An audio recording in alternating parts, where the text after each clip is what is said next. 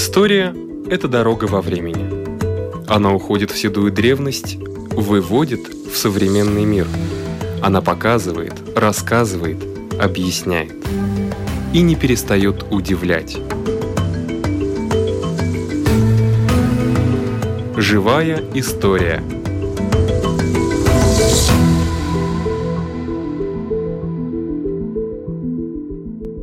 У микрофона Лидия Чера. Как стремительно проходит лето.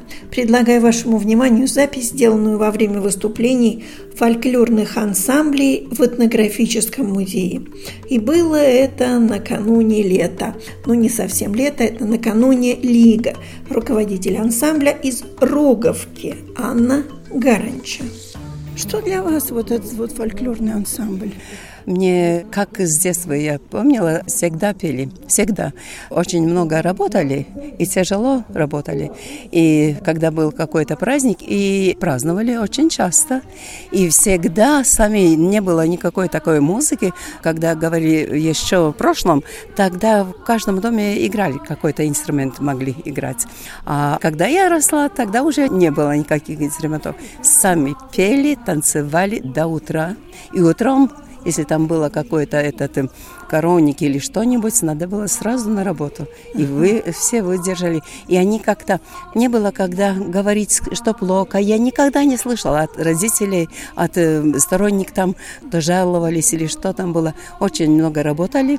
Денег никаких больших не было, но пели, были радостные, очень помогли друг другу.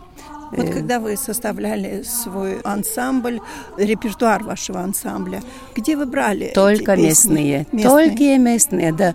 Мы начали, я еще, сколько мне там лет было, ну, в 85 году начали, и там были такие местные которые знали очень много. Я только могла э, записывать. записывать. Ну, я, да, да, да, я сначала только слова, там не было никаких магнитофонов, ничего. Да, да. А теперь я уже и ноты там, и все это забывается. И сколько в репертуаре у вас песен? О, если были жили живые те, которые начали, я думаю, там тысячи были. Но мы, которые остались, уже нету ни одной, только я как руководительница, и нету живых. И мы каких вот собрали 150, и мы даже уже забываем. Некоторые, где нету ноты, угу. уже, уже, уже. Да, ага. да. Ну, наверное, Роговка находится недалеко от границы же. Ну, не так а уж и рядом, да? потому что у нас очень такая латышская сторона. У нас была церковь, которая здесь, проедет. которая здесь в музее тоже находится, там да. Э, в Латгалском центре. да, да, да, да, есть. Такая. Это из Роговки. Но эти, которые приехали не во время войны или после войны, а они в ту столетии уже, когда эти земли дали, или как да, там было, делили, делили да. вот эти земли, тогда они. И у нас школа только латышская, все русские. В ансамбле, которые даже лучше знают эти традиции, как я, они старшие, которые.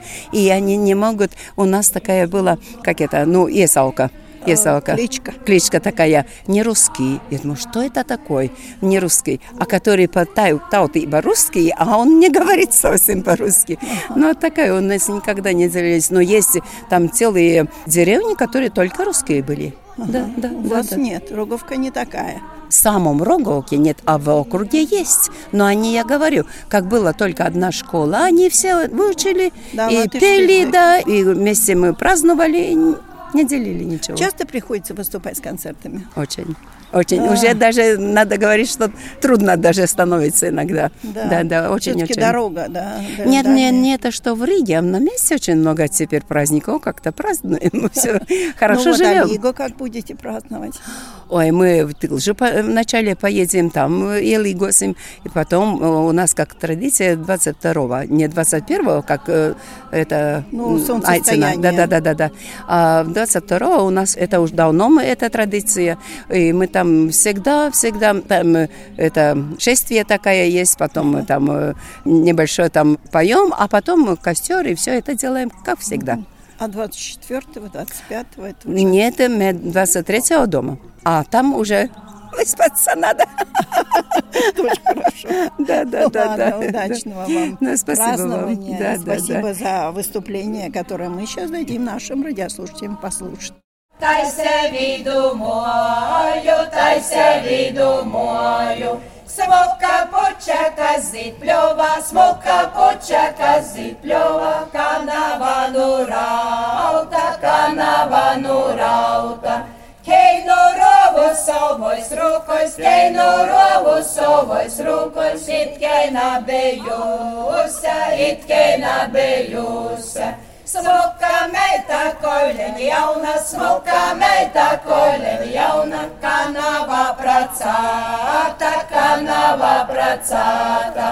Ей изгоя, ей пивейра, ей изгоя, ей пивейра, с кайстом сьосну вейта, с кайстом сьосну вейта. Tai domāju savā protā, tai domāju savā protā, blieņu nadarēšu, blieņu nadarēšu. Es vēl esmu tagad jauna, es vēl esmu tagad jauna, vasala priecīga, vasala priecīga. Atīt vakars guļu mīra, atīt vakars guļu mīra, nezinu, kas nāmis, nezinu, kas nāmis.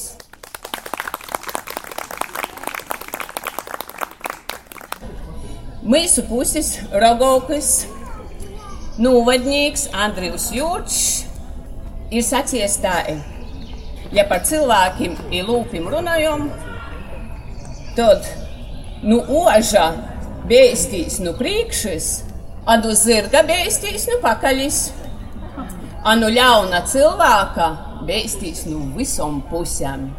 Kupla, kupla, lība, augam un alupu laizdara. Kupla, kupla, lipa augam un alupu lai dara. Rairidi, rairidi, rairidi, ralala. Rairidi, rairidi, rairidi. Kodas goju guvu slauktīnī pa koru vaļņu dzeņ. Kodas goju guvu slauktīnī pa koru vaļņu dzeņ. Rairidi, rairidi, rairidi, ralala. Rairidi, rairidi, rairidi, ralala. Cema poiše jaro zaglino zokmonu vaļņu dzeņ. Сейма пойши яру загліно з окмону вайнюцей. Рай ріди, рай ріди, рай ріди, ра-ла-ла. Рай ріди, рай ріди, рай ріди, ра-ла-ла. Сейма больше яру загляду, дити вайну дзень. Сейма больше яру загляду, дити вайну дзень. Рай риди, рай риди, рай риди, ла-ла-ла. Рай риди, рай риди, рай риди, ла-ла-ла. Я солейся смовна били, то да душу вайню дзень. Я солейся смовна били, то да душу вайню дзень. Рай риди, рай риди,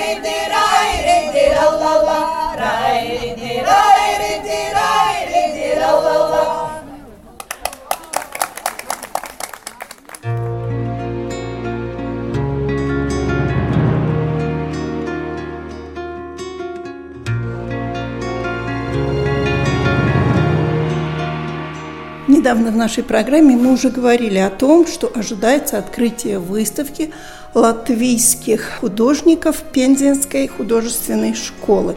И вот она открыта. Поздравляю заведующая музеем Романа Суты и Александры Пельцовой Наталья Евсеева.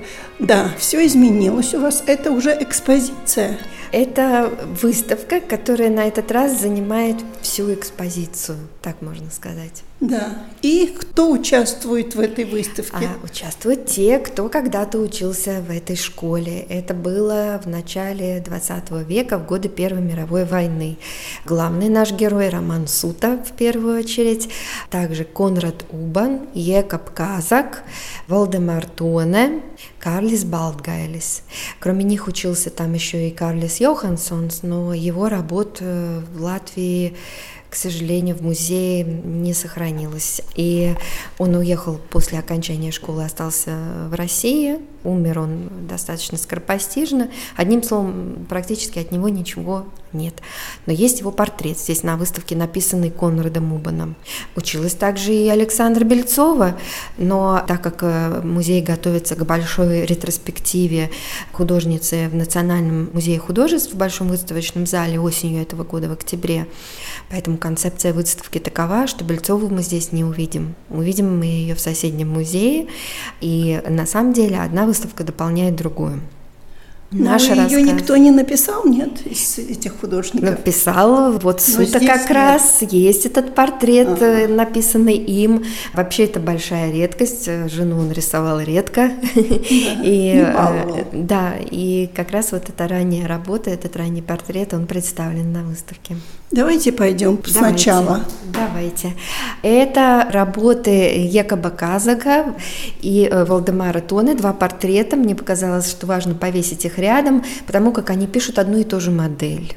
Это жена, вот эти две дамы, это жена одного из латышей, которые жили там в Пензе, не художник он был, и они вместе встречались, часто проводили такие совместные посиделки и вечера, и мне показалось интересным поставить два этих портрета рядом, как одну и ту же модель видят совершенно по-разному два художника одного поколения.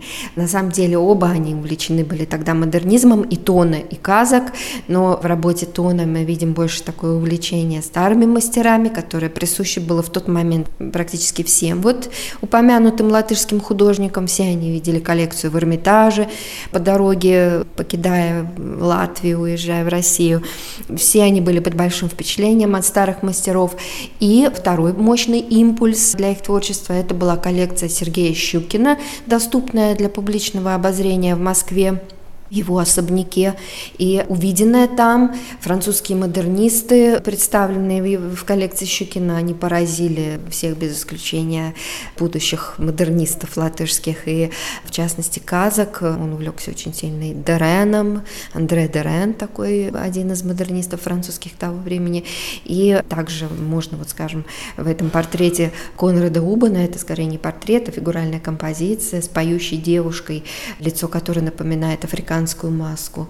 Здесь мы тоже можем вспомнить и о Пикассо, и о увлечении неевропейским искусством, характерным для начала XX века, для всех э, французских модернистов и модернистов других стран. Здесь и рисунки, также Казака. На самом деле тема беженцев – это тема, которая вот с нее, можно сказать, начался модернизм латышский, и эти сюжеты требовали особой экспрессии, особой выразительности, драматизма, и как раз язык художественный модернизма очень к этому был подходящ. И к теме беженцев казак как раз начинает обращаться именно в Пензе в годы жизни там. И здесь вот несколько эскизов, также эскиз к работе, которая представлена в экспозиции Национального музея художеств, вот эти три женщины, и несколько других портретов. Ну, конечно, вспоминаю эту притчу о том, когда у четырех слепых спросили, как выглядит слон. Один сказал, что это шланг, один сказал, что это столб. Так же, как это две женщины. Да, я вижу, что они похожи, что у них одинаковые черты лица, но на одном портрете она более женственная, более нежная, и на другом она, ну, в общем, как это говорить, сварливая старуха а, со страшными это, руками. Это на самом деле просто абсолютно другие задачи поставлены да. к художникам. И, на мой взгляд, очень интересно, и даже вот у нас есть одна из работ в экспозиции здесь сейчас, художники параллельно занимаясь в школе, в художественной, в которой, в общем-то, приветствовался академический характер искусства, и преподавание строилось на акценте академического рисунка и анализ светотеневых их отношений и так далее. То есть это, в общем-то, такой реализм XIX века продолжал культивироваться, но поиски в направлении модернизма проводили художники параллельно с учебными заданиями.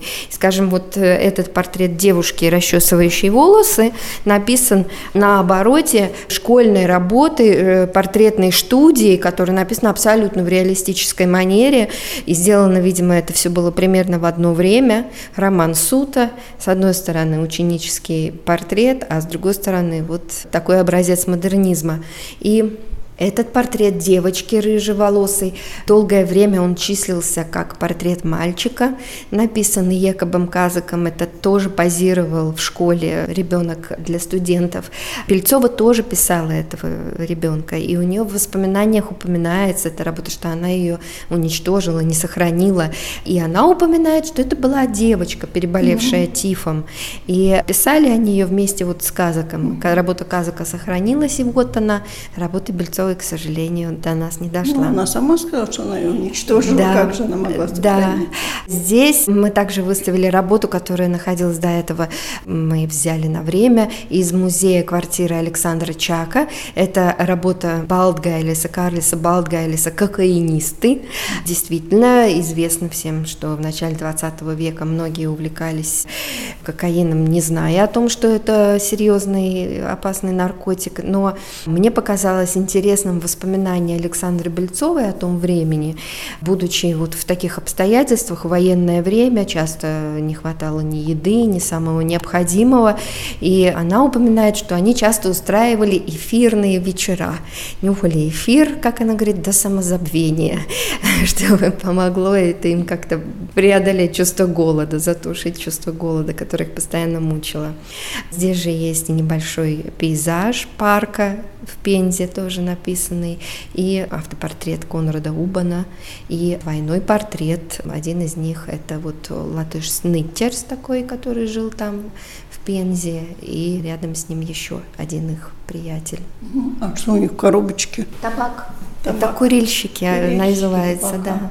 А где же Бельцова портрет, который нарисовал? в соседней комнате. Ага. То есть у вас в двух комнатах эта выставка, трех, в трех да, даже. Да. И здесь эта комната Thank you. Ага. А я здесь даже не была никогда, мне кажется. Мы все время, да, соседи да, обычно останавливались. Здесь тоже работы, так вышло, что это Конрад Убан, вот с этой стороны, и здесь еще Балдгайлис тоже э, с пейзажем. Это все работы, относящиеся к тому периоду. И это портрет Карлиса Йохансона, о котором я угу. говорила, его работ нет, но есть его портрет, написанный другим автором. На Ганса Христиана Андерсона похож. Согласна, да, да? что-то есть есть. И здесь опять же вот можно видеть этот темный колорит, черный фон портрета, моделировка, светотень. Все это говорит о влиянии старых мастеров. Это как раз период, когда все они прошли через эту стадию увлечением старыми мастерами. А это кто? Это неизвестные две модели, мужчина и женщина. Мне показалось, они выглядят как парный портрет, написанный примерно в одно время Конрадом Убаном. Угу. Пошли в следующую да, комнату. Да.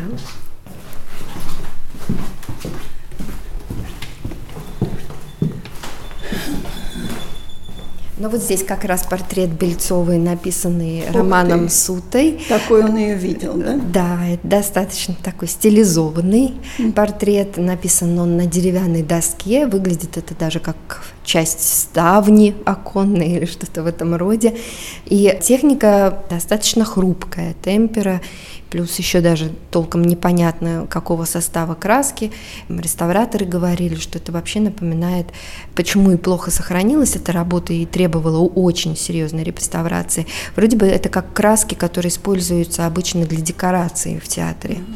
Кто знает, может быть, он уже тогда был связан э, с театром, потому что это действительно его увлечение театром известно впоследствии. Да, ну, ну, характер Бельцовой здесь такой лицо, да, гордость да, и да, вот при всей этой самодостаточность. При всей этой стилизации, то есть художник стремится передать сходство не столько реалистическим исполнением портрета, сколько передать внутреннюю суть, вот внутреннее состояние и свое субъективное видение, то, что как раз характерно для модернизма в целом. А вы согласны с таким видением автора? Ну, видимо, и такой взгляд на нее имеет право на существование, видимо, и такой она могла быть для него. Может такой. Быть, он она так видел. на него Да, смотрела. да, да, согласна.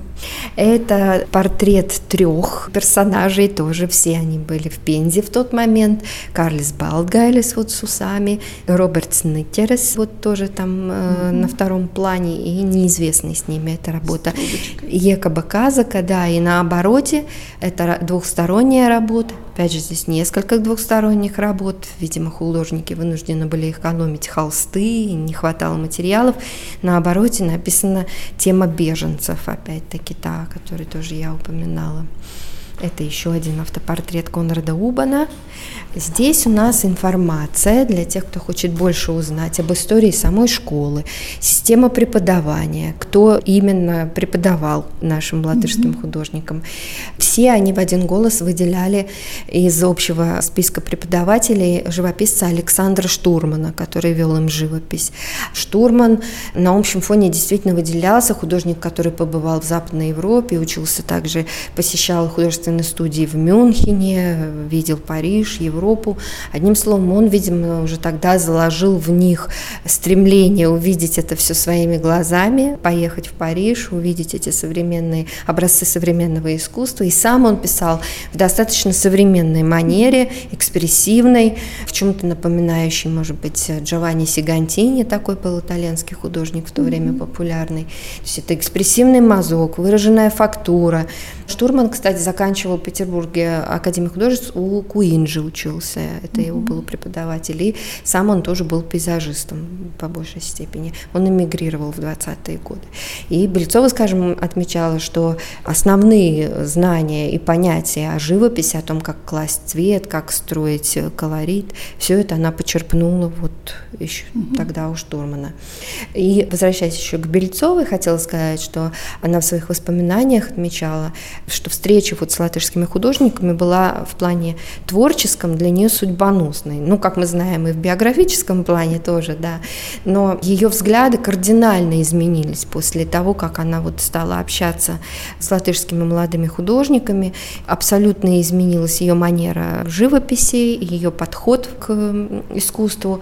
И она вслед за ними тоже нелестно отзывалась об остальных преподавателей, но если мы, скажем, сравним ее портрет сестры, написанный до встречи с латышами, в общем-то, да, вот этот зеленым фоном, то, в общем-то, можно уловить сходство с тем, как э, работал вот тот самый ругаемый ими преподаватель Горюшкин Сорокопудов, учившийся у Ильи Репина в свое время в Академии художеств писал такие крупноформатные фигуральные композиции на темы из русской истории – похоже чем-то, может быть, на Василия Сурикова, все это по исполнению. И вот Латышам, и вот Бельцовой в том числе, казалось, что все это старомодно, что все это уже, в общем-то, отжило да. свое. Но вот до встречи с Латышами и ее работы, тем не менее, говорят о влиянии учителя, а после этого она и сама писала сестре, я совершенно по-другому теперь работаю, абсолютно другие задачи в искусстве. И действительно, ну, трудно предположить, как бы развивалось ее творчество. Вернее, можно, но, вероятно, в абсолютно другом русле развивалось бы ее творчество, если бы не эта встреча. А здесь мы приводим также несколько репродукций нескольких работ, которых э, мы не увидим на выставке по той или иной причине, или потому что они экспонируются в другом месте, или они готовятся к выставке и сейчас находятся на реставрации, или просто они не сохранились и известны только по репродукциям, поэтому их можно увидеть здесь в качестве иллюстраций. Вообще надо отметить, что вот эта жизнь в тяжелых условиях военных, когда им приходилось э, ну, вот, ютиться по несколько человек человек в одной комнате, питаться скудно и делиться самым последним друг с другом, это дало какое-то ощущение коммуны, сплоченности, которое им очень вероятно пригодилось, когда уже здесь в Риге они решили основать совместную группу. Сначала они себя назвали экспрессионисты, потом рижская группа художников, всем известная. И в то время там, в Пензе, они издавали свой журнал, писали его от руки. Каждый был по очереди ответственным редактором за номер. И этих журналов сохранилось буквально один или два. И вот здесь один из разворотов мы приводим mm-hmm. тоже в сканированном виде. Писали статьи о современном искусстве, свои размышления на эту тему, иллюстрировали сами эти журналы. Ну и отдельно мы приводим цитаты из их воспоминаний о том, как им жилось там в Пензе. И, как правило, эти э, цитаты взяты из писем, которые они писали сюда на родину своим друзьям и знакомым и родственникам. И часть этих писем сохранилась в архиве в Национальном латвийском Государственном архиве. И эти письма в отсканированном виде, вот мы здесь распечатали, их можно взять в руки, полистать. Размер такой же, вот один в один, как сами оригиналы, в полном объеме все письма и отдельные выделенные цитаты. А некоторые из них очень забавные, о том, как они там праздновали вместе Новый год и вместо елочных игрушек вешали тюбики с краской на елку, о том, э, что они ходят в их э, кафе излюбленное, называлось оно Афины. Есть даже рисунок, э, где Афины? мы можно видеть, э, да, это кафе. И в военное время толком никакого ассортимента там не было, но даже лимонад им казался чем-то особенным. Вот устраивали Десертом. такие да, действительно. Ну, к сожалению, говорят, что сытый художник уже не художник. Есть такое мнение, да. Ну и здесь вот оригиналы этих писем и фотографии того времени, где мы можем видеть этих художников, наших героев. Йохансонс, Балга, Сута, Казак, это неизвестный, Снитерес, Стона и Убанс. Вот вся компания. Практически около десяти, да? Убан упоминает в одном из своих писем, находясь там в Пензе, что всего их вместе девять. Девять. Девять. Некоторые из них на сегодняшний день эти имена мало что говорят. Угу. Художники эти умерли в раннем молодости и, в общем-то, Сегодня они только узкому кругу специалистов известны. Надо сказать, что там учились и эстонцы, скажем, тоже вот поколение эстонских модернистов. Тоже они были дружны вместе, общались. Mm-hmm. И потом даже сохранили дружеские отношения и после этого вот, скажем, вот этот рисунок Убана показывает, здесь изображен тот самый дом, в котором они жили. И действительно... Деревянный сруб. Да? да, и действительно вот э, даже до сегодняшнего дня как раз школа находится в старой части города. И э, недалеко от нее как раз э, сохранились старые домишки вот да. такого типа. Кто знает, может быть, один из этих домов тоже до сих пор в Пензе сохранился. Там... Вы там не были? Я была в Пензе, я видела школу, я была в музее, который при школе находится, в архиве, но нумерация домов, название улиц, все это изменилось, выяснить это представляется практически невозможным. Да, таких домов по России много же. Да, да, типичный домик да. такой, да. Устраивались, как и во всех художественных школах, смотры во время сессий, да. и для латышей отводилась отдельная стена. Вот здесь, скажем, на рисунке своем Убан изображает, как они развешивают свои работы перед смотром. Там наверху рисунок, когда они сидят в аудитории, скорее всего, это во время какого-то из уроков они слушают э, на занятии, потом они готовятся к концерту, распеваются вот э, возле инструмента, и как вот они там спят, ютятся по несколько человек в одной комнате. Ну и тема беженцев опять же здесь, церковь, священник, то есть, э, в общем-то, такой э, экспрессионизм в их исполнении, потому как тема действительно трагическая, и вот этот поиск и развитие этого сюжета находит продолжение и в картинах их, и здесь вот мы видим акварель и рисунки. В каком году Роман Сота вернулся? В семнадцатом году они закончили. Он, в принципе, все остальные уехали раньше, латыши. Он в семнадцатом закончил вместе с Александрой. Да, вместе с Александрой Бельцовой они вместе закончили в один год и поехали в Санкт-Петербург. Петроград тогда. И он даже поступил вольнослушателем в Академию, в школу технического рисования имени барона Штиглица на прикладное. То есть уже тогда у него был интерес к прикладному искусству, угу. и, видимо, изначально заложен был такой антагонизм против академии. Все, что связано с академизмом, с академией, как да. вот у многих модернистов. Это было поначалу, у него это сохранилось на всю жизнь. Но толком он не учился, судя по архивным материалам, он практически сразу уехал в Латвию какое-то, вероятно, время пробыл в Москве по дороге и потом добрался до Латвии. Да. А Бельцова, как известно, приехала по его приглашению только в 19 году сюда, пробыв еще какое-то время в Петрограде. Но это уже другая история. Это другая история, да. Конечно, увидеть выставку может каждый желающий во время работы музея. Но вот не только увидеть, но и услышать лекцию на эту тему? Когда можно? 7 сентября, в субботу, в 3 часа дня в музее. На русском? На русском языке. Экскурсия удалась. Экскурсоводом поработала заведующая музеем Романа Суты и Александра Бельцова и Наталья Евсеева. Спасибо большое. На этом наша передача заканчивается. Всего вам доброго.